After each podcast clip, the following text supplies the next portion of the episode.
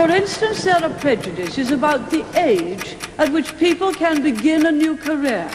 I will not make age an issue of this campaign. I am not going to exploit my opponent's youth and inexperience. Det er aldri for sent å lære noe nytt. Utenriksmagasinet MIR hører du mellom 11 og 12 hver fredag på Studentradioen i Bergen. Ja, da er vi tilbake her i Utenriksmagasinet MIR, og med meg i studio har jeg Olav. Olav, vi skal snakke om konfliktmineraler i denne sendingen. Kan du kort gi en liten, konkret beskrivelse av hva konfliktmineraler egentlig er? Altså, Konfliktmineraler er naturressurser som blir dratt opp av bakken, hvor da det blir gjort i regi av militser eller i militære uh, settinger, og vanligvis da helt ulovlig. Så dette her vil da være For det meste er det snakk om da gull, f.eks. Uh, tinn, koltan, kasteritt og bloddiamanter, og til en viss grad tømmer og olje. Og er da naturressurser som da altså, betaler for andre militser og opprørsgrupper. Så det er en helt ulovlig og uh, ulovlig business, i andre ord. Men det er jo også stater som liksom jobber med dette her. Altså de, det er jo korrupte stater som undertrykker befolkningen sin, som også selger disse mineralene. Kan ikke det også være konfliktmineraler fordi de virkelig undertrykker befolkningen sin og bruker da bl.a. slavearbeid? Det, det, det, er litt vrient å definere. For helt, altså Hvis man skal se for seg det mest uh, vanlige bildet av konfliktmineral, da, så kan man se for seg f.eks. bloddiamanter. Hvor du da har en opprørsgruppe eller en geriljagruppe eller en revolusjonær gruppe sant, som gjemmer seg ute i naturen. Hvor de da går fra landsby til landsby, tar, befolk, uh, tar hele befolkningen, tvinger dem til å jobbe i en gruve eller en mine f.eks. Uh, hvor da, da, det er så å si slavearbeid, men hvor da de selger da bloddiamantene videre til da mellommenn, til kanskje selskaper som ser vekk fra hvor det kommer fra, og så kommer det da inn på det større internasjonale markedet. Og det er, det er også klart Du kan jo ha stater som kanskje driver med dette her litt underbegynt, men det er den altså det er måten man får det ut av bakken, da. Og det er organiseringen av det som er mer det viktige for å definere om det er en konfliktmineral eller ikke. Ja, for dette er jo fryktelig lønnsomt for uh, mange av disse militsgruppene eller opprørsgruppene. Fordi dette her er jo ofte hovedinntektskilden deres. Altså Vi kan jo se med IS. De solgte jo ufattelig mye av den oljen som ble produsert i Syria og Irak videre, og det har jo vært med på å finansiere at de gjorde det såpass bra, om man kan si det slik. Altså, hvis man har konflikt foran noe, så blir det på en måte ulovlig. Om man da snakker om f.eks. med IS, da, hvor du har konfliktolje, eller ulovlig olje, så er det jo akkurat dette her med at de selger det Altså det kommer fra en kilde som ikke det internasjonale markedet vil akseptere at det kommer fra, fordi at det bidrar til internasjonal eh, ustabilitet og til uh, undertrykkelse og til tortur og alt det der. Men F.eks. IS da har, selger jo også øh, mye arkeologiske gjenstander òg, så da blir det konflikt av arkeologiske gjenstander. Så det er jo litt hvem det kommer fra. Mellommenn-biten er jo hvordan det kommer til det internasjonale markedet. Ja, for det er jo Det er jo en syklus her med at uh, opprørsgrupper uh, graver frem mineraler eller verdigjenstander til en billig penge, selger dem uh, til mellommenn som da også tjener på dette, som er korrupte, og som egentlig ikke bryr seg om hvor, hvor, de kommer fra, hvem de kommer fra, og da klarer å smugle det og selge det videre inn på det internasjonale markedet. Så vi ser jo en slags ond syklus her, som bare fortsetter og fortsetter, Olav. Altså, det er vanskelig å se for seg hvor mye penger det er faktisk er på spill her. Uh, diamanter er også sin sak, men gull og tinn og kobalt Altså, det er virkelig de ressursene vi trenger mest for at verden skal gå rundt i disse dager. Og hvor det er de store konfliktene hvor det har vært av konfliktmineraler, da, det er utrolig mye av det. Det er jo ressursrike land hvor mye av det ikke har blitt utnyttet fra før av. Så det har jo da På overflaten så er det jo krig og konflikt, men da under så er det da en rikdom av en helt annen verden. Og når man kommer til et visst, et visst, nivå med penger, da, så begynner folk å bry seg mindre og mindre. og mindre. Når det virkelig er i millioner og milliarder av dollar, så er man villig til å være litt korrupt, heldigvis. Og det er jo En ting vi ikke har nevnt, er jo at det er som oftest i veldig svake stater, i, veld, i, stater hvor det er veldig mye konflikt. Uh, det klassiske kroneksempelet her er jo Den demokratiske republikken Kongo. Det er der mange av disse ressursene kommer fra, for du finner både gull og, og tinn og tungsten i landet, og det er veldig mange opprørsgrupper der hvor det har ført til at en borgerkrig hvor det er mange millioner mennesker som har dødd. Altså I Øst-Kongo spesielt, ha, uh, som er kanskje det mest naturressursrike området i hele verden, der har man jo Det er ikke nødvendigvis uh, konfliktmineralene som har skapt problemene. Der har det jo vært ustabilitet med Rwanda, Uganda og i Kongo. Men når man da er en militsgruppe og man innser oh ja, her er det ganske raske penger å kunne få ut, så er det da at de brutaliserer lokalbefolkningen, tvinger dem i slavearbeid av den verste sorten noensinne. For da å kunne altså, bruke penger. Og Det som er også trist med konfliktmineraler, er at uh, de bruker jo ikke pengene på noe særlig infrastrukturprosjekter eller skoler. Det går jo videre til å fortsette krigingen, til våpen, og, som da igjen bidrar et annet uh, sort marked. Ja, og det er jo mange av disse statene, som bl.a. Uh, Den demokratiske republikken Kongo, som har veldig mye korrupsjon innad i statsapparatet. Så det, det, er jo ikke sikkert at staten faktisk klarer å gjøre noe med det, fordi de som faktisk jobber i staten, ser, ser, ser vekk og får litt penger i egen lomme også. Det er jo en korrupsjonssyklus her, for det, det er jo helt nødvendig for å få disse mineralene ut på det internasjonale markedet. Akkurat, og, og, det er jo ikke så klart bare der uh, det er korrupsjon. ikke sant? Altså Mellommennene som får dette her til spesielt Øst-Asia, og da inn til Vesten f.eks., ser jo ganske med glede bort fra dette her, for at det er så utrolig mye penger i uh, denne businessen. Og etterspørselen er så stor også at hvis det er høy etterspørsel og folk ikke bryr seg, så lar man dette her skje, uheldigvis. Det er jo litt vanskelig for oss som konsumere å faktisk gjøre noe med dette her. For vi, skal, vi kommer tilbake litt på det, inn på det senere, men selskapene som faktisk bruker disse mineralene, har jo selv vanskelighet med å finne ut av hvor de kommer fra. Altså Det er ikke alltid at man kan få ærlige og redelige kilder av, av, gull eller tinn når man bruker det til elektronikk som f.eks. mobiltelefonen vi, vi, har i lomma. Akkurat. altså Hvis man har en diamantring, så kan man kanskje finne ut ok, hvor var det den diamanten kom fra. Men hvis man finner ut at 10% av de 0,3 grammene i telefonen din er fra er konfliktgull, uh, så er det jo vanskelig å spore akkurat den brøkdelen. ikke sant? Og det er det som gjør det utrolig vanskelig. Hadde det vært et statisk eller et uh, veldig fast uh, fast mineral da, som man kunne spore. liksom finne ok, Det gikk fra den hånden til den hånden til den hånden. Men når det blander seg da med de helt legitime mineralene og tingene man bruker i elektronikk spesielt, så blir det kjempevanskelig. Og uheldigvis så ser man jo det i uh, steder hvor det er konfliktmineraler, at man har ikke greid å finne en konkret løsning på hvordan å løse det.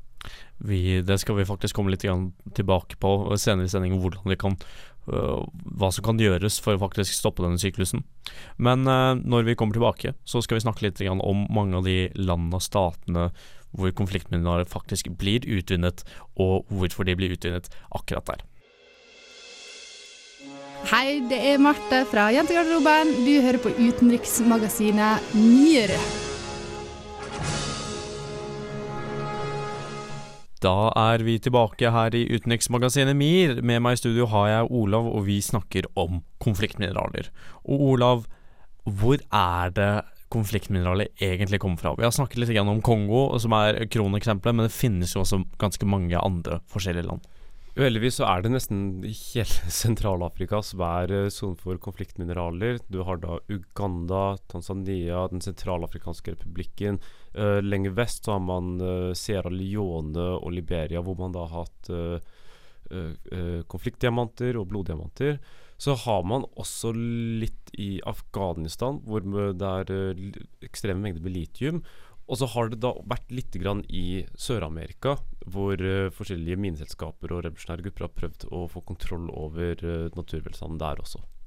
For det vi ser, er jo et slags Ikke system, men at det er mye som går igjen her. Det er ofte tidligere kolonistater uh, som har et svakt statsapparat med masse naturressurser og mye korrupsjon. Fattig befolkning også. De befolkningen i Kongo, i Zimbabwe, Sierra Leone f.eks. De klarer jo ikke å stå imot når en militsgruppe kommer og bare sier 'hei, kom med oss', og jobb i denne gruven, ellers så dreper vi dere. De stedene hvor, også hvor militsen kommer, pleier å være ganske langt borte fra hvor statsapparatet er sterkt. Ikke sant? Uh, Kinshasa, som er jo helt på vestsiden av uh, Kongo, er langt unna høylandet som grenser mot uh, Uganda f.eks., hvor du har da de største militsgruppene driver og gjemmer seg. Og ikke sant? Det er vanskelig kommunikasjonsnettverk, det er vanskelig å komme seg dit. Terrenget er jo ut, altså det er jo tett jungel med ekstremt kupert terreng, og det er jo der uh, ressursene ligger. Og det er jo altså For de som har vært i jungel, vet kanskje dette her, men det er vanskelig å finne fram, og det er vanskelig å se det ovenifra. Så kan vi se fra under da trærne, ikke sant, hvor du ser jo ingenting, men så er det da den største slavedriften i ja, moderne tid skjer under. Altså, det er jo mange, mange naturressurser altså i Kongo, som du har sagt. I, i Sierra Leone og Liberia, hvor de også er oppe i høylandet og, og langt unna statsapparatet og hovedstaden. Vi ser jo det samme litt i Afghanistan. Uh, du nevnte litium i stad. Det er jo ofte Litiumsområdene er jo oppe i høylandet, det òg. Langt unna uh, mange av de store byene hvor det er bl.a. amerikanske tropper, så det er jo vanskelig å komme seg til nettopp de naturressursene for reelle aktører. Det er jo opprørsgrupperne som har kontroll der og klarer å ikke nødvendigvis øh, holdt på å si bosette, men øh, bruke det som festningsverk, fordi det er gode forsvarsmuligheter der, så de klarer å holde på disse naturressursene. Altså Du kan se for deg da i Øst-Afrika hvor det har vært konf altså, Det er jo bedre nå, da. Vi må ikke få det til å virke som at alt er helt forferdelig. Men ikke sant, i, uh, i Øst-Kongo, hvor det nesten var så å si konflikt non stop fra slutten av 80-tallet fram til ti år siden omtrent, døde ti millioner mennesker pluss i den andre kongolesiske krigen. Og hvor da interessant det er for legitime selskaper å dra til steder uten noe som helst støtte fra statsapparatet, hvor da ikke bare selve gruvedriften ville være kjempevanskelig å være en massiv investering i et sted da hvor på toppen av det hele du har en brutalisert befolkning og masse militsgrupper ikke sant, som, lett, som har lyst til å beholde businessmodellen deres. Det er jo lite gunstig da, Og da kunne heller bare se vekk og late som at det ikke skjer, blir jo ja, billigere i det lange løpet, for å si det mildt. Ja, fordi det tjener jo egentlig oss konsumerne som bor i vestlige og utviklede stater, for det er vi som faktisk bruker disse metallene i elektronikken vi har liksom, i PC-ene våre, i mobiltelefonene. Det kommer vi til å gå litt tilbake på senere. Men det er jo oss det tjener at de, disse bakmennene kan selge mineralene såpass billig til smelteverk som igjen kan selge det billig til produksjonsselskaper som Apple og Microsoft, som kan gi oss litt billigere elektronikk. Ja, altså det, Hvis alt skulle være helt legitimt, så jeg vet ikke om man kunne legge på en ekstra null på prisene på elektronikken, men du kan se for deg hvor mye billigere det blir i det lange løp, og de store mengdene som trengs ikke sant, for at dette her skal gå rundt. Altså hvor mye elektronikk, altså hvor mange skjermer det er, hvor mange biler det er, hvor mye uh, altså elektronikk omringer oss hele tiden. Og veldig, det er jo veldig mye av det som ikke blir resirkulert, ikke så det blir jo da et behov for å fortsette og fortsette og fortsette å få det inn. Og som jeg nevnte tidligere, jeg tror vi ikke kan forestille oss hvor utrolig mye penger det faktisk dreier seg om dette her. da. Og hvis det da Hvis de store selskapene er fornøyde med hvordan det er som nå, vi er fornøyde med prisene, og de eneste som lider, er fattige bønder i Sentral-Afrika eller i Afghanistan, så ser vi bort fra det, uheldigvis. Ja, det er, det er, vanskelig for oss å relatere oss til det. Det, det er heller ikke noe det er ikke så mye oppslag rundt det heller. Vi har jo fair trade, f.eks., som uh, for, uh, for, kaffe eller for uh, andre matvareprodukter. Men det er jo litt enklere å komme til, fordi dette er jo ofte bønder som bor i lavlandet, ikke så fryktelig langt fra statsapparatet, så da kan jo selskaper komme inn og overbevise. Men når det er så langt unna og så så mye konflikt i de områdene. Det er jo vanskelig for oss å gjøre noe med det, da. Og, og som vi nevnte tidligere, det er utrolig vanskelig å spore det òg, ikke sant. At hvis, ja, som, som hvis en brøkdel av, av, telefonen din har en konfliktmineral i seg, så kan man jo ikke gå inn og se på, på, på mengden gullmat. Å ja, det, den, det gullet der er helt legitimt, men det gullet der er ikke. Så det blir jo en sporingsprosess ikke sant, som er helt vanskelig. Ikke sant? Du må se for deg disse smelteverkstedene i Malaysia, Filippinene, Indonesia og Kina, hvor alt sammen bare går i den ja, samme potten, da, nesten, på en, eller annen måte. Og så går det videre. Sporingsprosessen her er kjempevanskelig fordi at det blir gjort svart, og man ikke greier å finne uh, smuglernettverkene. Så blir det jo vanskelig for et selskap som, for, som Fairtrade å kunne se hvor det faktisk er uh, gode smelteverk, og hvor de dårlige er. Og som igjen da fortsetter den med sirkelen. Ja, og jeg vil bare komme litt inn på dette med Zimbabwe, for det er ganske dagsaktuelt nå. Altså, de har jo Robert Mugabe, som har vært uh, statsoverhode og president etter syv år, har jo blitt kastet. Han har jo fått mye av skylden for at landet har gått dårligere, og det er jo mange slike naturressurser i nettopp Zimbabwe, så det er jo det er et godt eksempel på en stat hvor man har tillatt Eh, av konfliktmineraler på en slik måte. Og det er jo spennende å kanskje se litt om dette faktisk kommer til å endre seg med et systemskifte, og, og, hvem som er president, eller om det faktisk kommer til å fortsette fordi det er såpass lønnsomt. Og, og, og for å kunne stoppe det, sant, så må man jo gå inn med militærmakt, også, for å si det mildt. Ja. Det er jo militser som driver dette her. Det er jo ikke vanlige businessfolk. Altså, det er jo en god del mengder kalasjnikover som passer på at uh, businessen går som den gjør. Og da å stoppe det er jo kjempefarlig bare i seg selv. Og så kommer utvinningsprosessen, som igjen er farlig. Ja. Det, det er noe vi skal komme litt igjen tilbake på, uh, men når vi kommer tilbake igjen, så skal vi høre en kommentar av vår medarbeider Carl Fredrik Wergeland, som har snakket litt, som kommer til å snakke litt om nettopp dette med konfliktmineraler. Se me sanciona porque convoco elecciones generales para que el pueblo vote libremente y elija una institución como la Asamblea Nacional Constituyente. Forstår du ikke hva Venezuelas president Nicolas Maduro sier her? Frykt ikke, for utenriksmagasinet MIR rapporterer på hele Latin-Amerika og resten av verden, slik at du kan få med deg de viktigste utenriksnyhetene.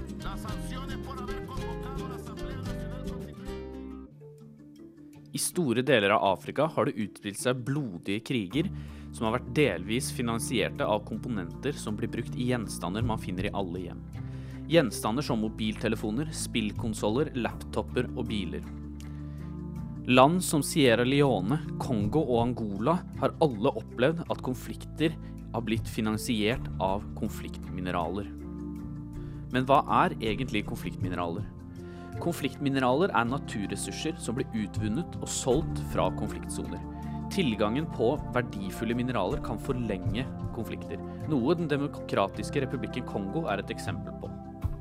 Konfliktmineraler som begrep dukket først opp på slutten av 1990-tallet, og mineralet det da var snakk om, var diamanter.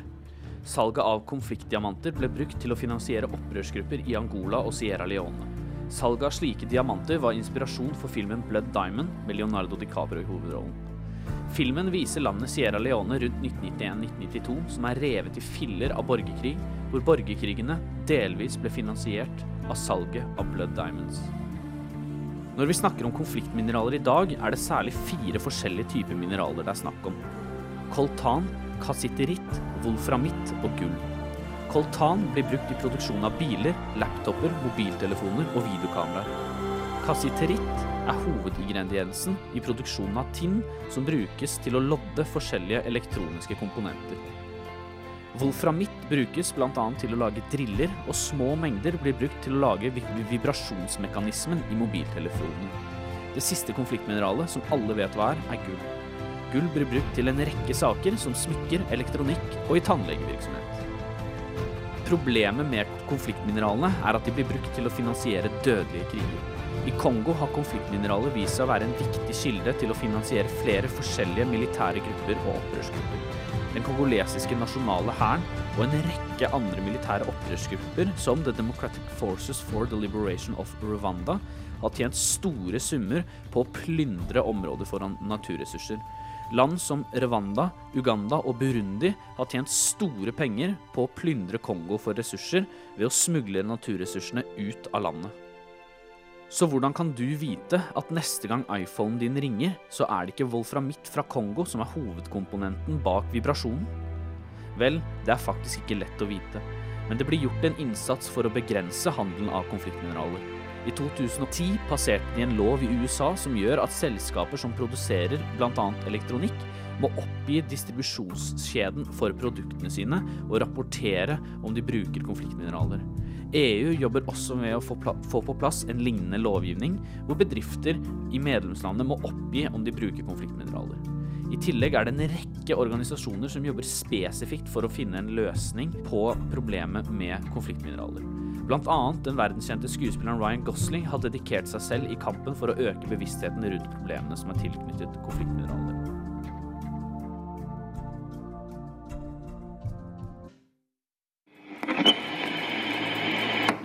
Har du selv hatt samtale med Meshal? Nei. Kan vi ikke ta eh, opp opptaket på dette eh, på ny? Hvis du heller ikke fikk med deg alle spørsmål, kan du høre alle våre sendinger på iTunes og srib.no.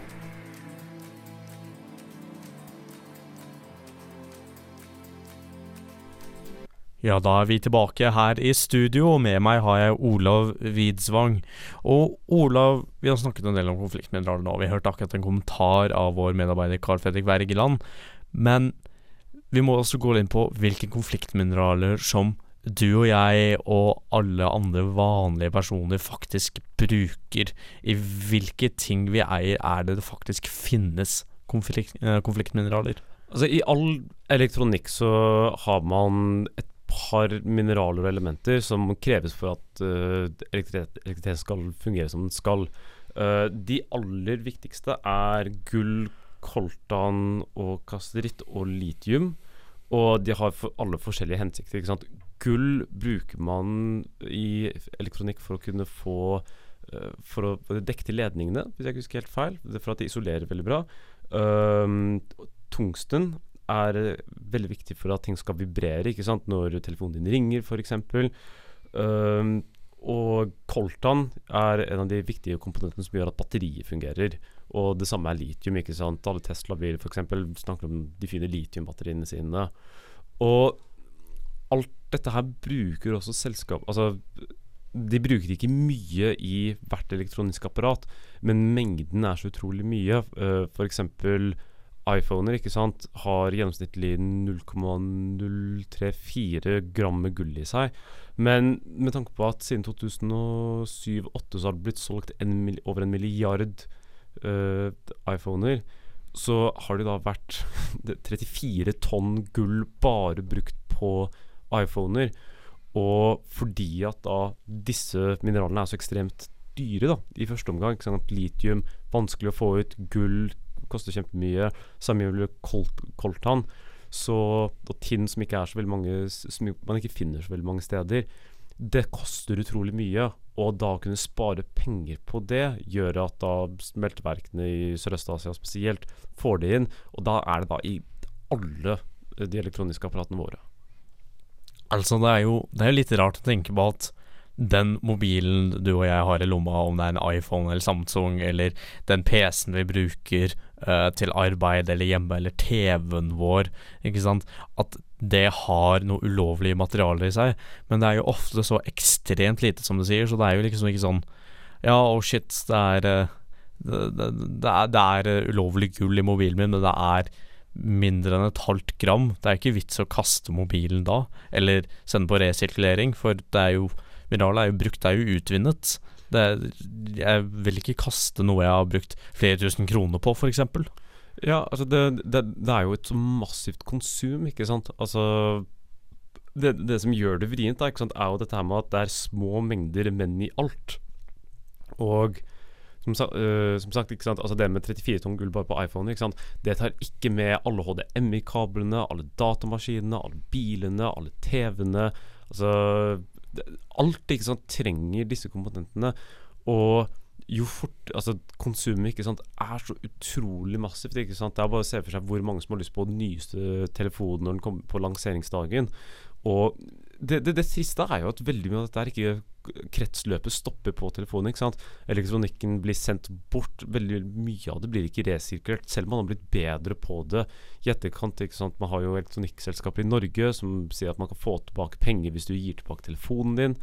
Men mye av det blir bare kastet, eller glemt hjemme eller støver ned. Så man må jo få mer og mer og mer hele tiden. Og det er jo her igjen, ikke sant. Konsumet er så stort. Og da hvis man kan spare penger på det ved å bruke konfliktmineraler, så sparer jo de kjempemye penger, i stedet for å bruke de legitime øh, øh, selskapene. Ja, altså om du ser på en vanlig husholdning her i Norge, ikke sant. Pleier jo å ha sånn to-tre TV-er om du ser på sånn klassisk A4 A4 hjem med mor, far og par barn. Ikke sant? Et par, et par PC-er, et par TV-er. Mange, om ikke alle, har mobiltelefon, ikke sant. Er, man har uh, dekoder, ikke sant. Det er mye forskjellig elektronikk man har i husstanden sin. Og om man samler det og ser på litt sånn større områder med mange folk, så innser du jo hvor mye mineraler, og sjeldne mineraler, som faktisk går til å faktisk få laget dette. Og, og ikke bare det. Uh, ting blir jo mer og mer og mer elektronisk. ikke sant? Man kan bare se på biler. ikke sant? Fra å være mm, bare rent sånn maskinelle, så begynner det jo bli mer og mer uh, kjørende datamaskiner. ikke sant? Se for deg all den elektronikken som er i en, en 2017-modellbil. ikke sant? Det må ikke være en Tesla, men alt har jo nå innebygd GPS, helst en touchscreen. Uh, masse elektronisk utstyr, ikke sant. Og masseproduseringen av det, ikke sant. Eh, det, det, igjen, mengden penger som er i denne bransjen her, er så utrolig stor. Og fordi at disse ressursene kost, eller mineralene koster jo utrolig mye penger i første omgang, ikke sant Gull er jo svindyrt. Og hvis man skal ha store kvanter av det, kan man kutte ned kanskje 10 bare, ikke sant? så har man jo spart utrolige mengder penger. Nå blir jo veldig mye av dette solgt for blodpris i vest nå, ikke sant? men det er jo mange ledd, mange som skal bli betalt, mange som skal liksom få forsikring, skal bli sendt fram og tilbake. Og igjen det, det, er, det, er, ikke sånn at altså, disse pengene bare går til selskapene. De militsene som driver med uh, dette her, blir jo styrtrike på det òg. Det hadde vanskelig, vanskelig, å se for seg at IS hadde kunnet opprettholde seg selv uten å få inn penger. Når de printer sine egne skolebøker og uh, altså, har en utstyr for å fortsette krigingen. Og våpen igjen er jo dyrt, så må, penger komme jo fra et sted. Og det er jo i bunn og grunn oss. Det er jo det, altså. Vi er jo de som er villige til å betale, men vi ser jo ikke alle forholdene bak. Det er jo vanskelig å se OK, i, i klokka mi som jeg har på armen, så kommer litiumet fra uh, Halvparten av litiumet fra Afghanistan og halvparten fra, fra et real kilde. Det, det er vanskelig for oss som konsumer å faktisk ha en effekt på dette store systemet med korrupsjon, med, med, vold og undertrykkelse, og med gevinster. Eh, og vi har jo nevnt det, de store, virkelig store selskapene har jo vanskeligheter med å kunne spore alle materialene. Apple og Microsoft vet jo ikke om all gullet de har, eller all litiumen de bruker, faktisk kommer fra reelle kilder. Og, og, og det er det igjen som er altså det, altså det kommer jo ned på oss når alt kommer til alt. ikke sant? Altså Det er jo vi som kjøper dette, det er vi som betaler til det, og, eller betaler alt dette her. Så det er, jo, det, er, jo, først og fremst opp til oss å kunne si vet du hva, vi vil ikke kjøpe produktene deres hvis de, de er årsaken til død og fordervelse. Men konsumet er nesten bare for stort, uheldigvis. Og, og, og, det er jo ikke Det har blitt mer og mer, da, men i veldig lang tid har det jo ikke vært noe interesse av konsumeren å vite dette her heller, ikke sant? For det har ikke vært interessant. Så lenge det fungerer, så er vi fornøyde, ikke sant. If it ain't broken, don't fix it, er jo et kjent mantra. Men uh, når vi kommer tilbake, så skal vi faktisk uh, snakke litt mer om det du begynte på nå, Olav, om hva vi kan gjøre, og hva man kan gjøre for å stoppe denne prosessen med å utnytte konfliktmineraler. Hvem var statsminister før Erna Solberg? Eh, det var en mann. Thomas. Mm. Hvilke partier sitter i regjering? Arbeiderpartiet. SV. Eh, Venstre. De Grønne. Vigrid. Hvilken jobb har Sylvi Listhaug? Eh, hvem er det? Jeg har aldri hørt om henne. Hun er journalist. Er ikke hun utenriksminister? Kunnskapsminister? Hev kunnskapsnivået ditt ved å høre på Utenriksmagasinet MIR her på Studentradioen i Bergen.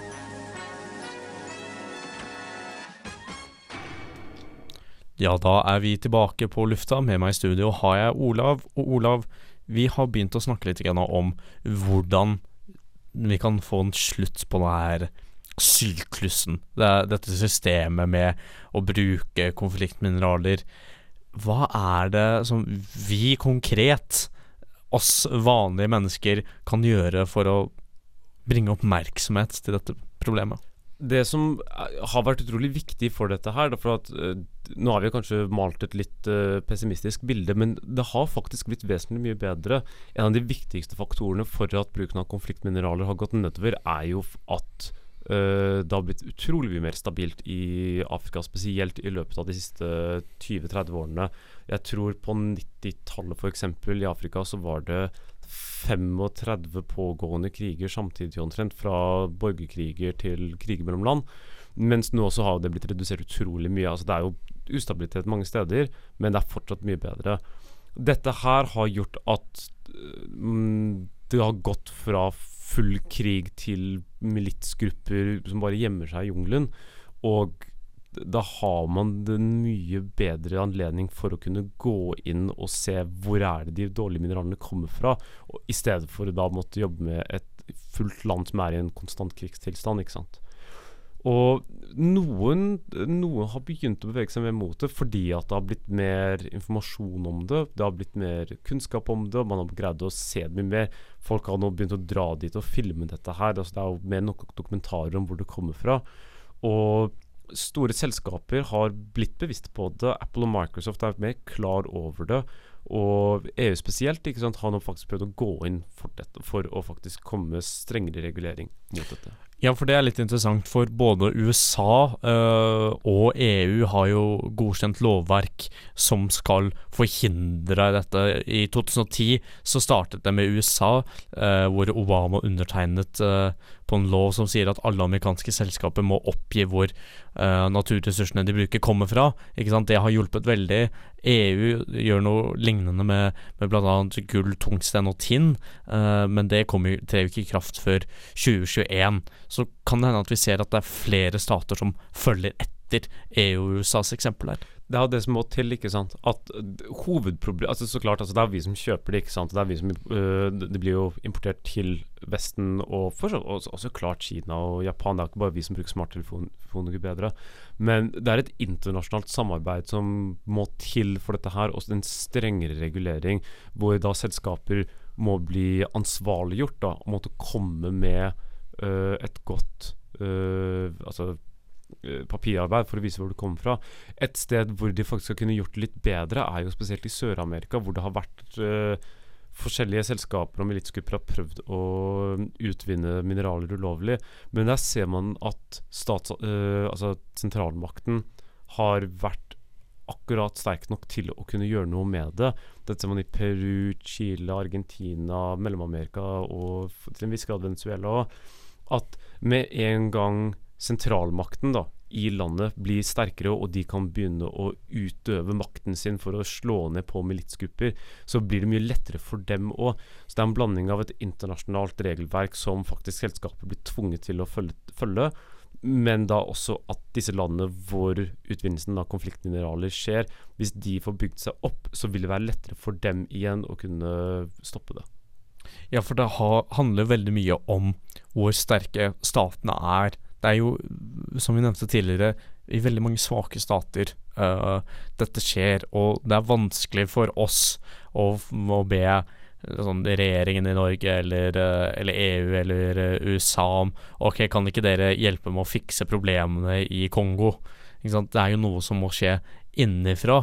Uh, vi kan påtvinge reguleringer for å hindre eh, mye av inntektskilden til disse gruppene, men det er jo først og fremst innad i staten de enkelte stater at man faktisk må ta ikke ansvar, men altså få ordnet opp i problemene. Uh, vi kan ikke gå inn med, med militære styrker og si ok, uh, sånn er lovene nå i ofte veldig fattige og veldig voldelige land, da. Altså det, det, det heter konfliktmineral for en grunn, fordi at det er eh, steder hvor det er konflikt. Så klart at man skulle ønske at det blir en eh, At man omringer problemet fra to sider. ikke sant? At hvis man lager et regelverk som gjør det vanskeligere for land å kunne Uh, og for selskaper å bruke konfliktmineraler, så vil jo da de militsene få mindre penger til å drive med krigføring og brutaliseringen sin. Skjer det samtidig som at statsapparatene greier å bekjempe dem og utøve makten sin, vil jo da uh, disse militsgruppene som utvinner disse øh, naturressursene, bli marginalisert mer og mer og mer og mer. Men det krever samarbeid, og internasjonalt samarbeid. Da må liksom alle landene som bruker smarttelefoner og elektronikk hvor man finner konfliktmineraler, samarbeide. Og de landene som uh, produserer uh, elektronikk òg, ikke sant. Så det, mange, mange land må jobbe samtidig. Og det er jo ikke nødvendigvis slik at det er enkelt heller å, å, få til dette samarbeidet. Det er ikke nødvendigvis så spesielt økonomisk lønnsomt. Men uh, Det er god PR, da, for å si det mildt. da Hvis selskapet selskaper kan faktisk si uh, vi er et konfliktmineralfri Vi selger bare konfliktmineralfrie uh, produkter, så vil jo da faktisk folk mest sannsynligvis gå mer mot det enn de som ikke greier å si det. Som f.eks. fair trade. Ikke sant? Det har hjulpet veldig. Men vi må begynne å avvikle sendingen. når vi kommer tilbake, så skal vi gjøre nettopp det. Mir var en sovjetisk romstasjon som i utgangspunktet var bygget for å vare tre år. Den varte til sammen 16. Som sin navnebror strekker utenriksmagasinet MIR seg ekstra langt for å gi deg det beste utenriksstoffet.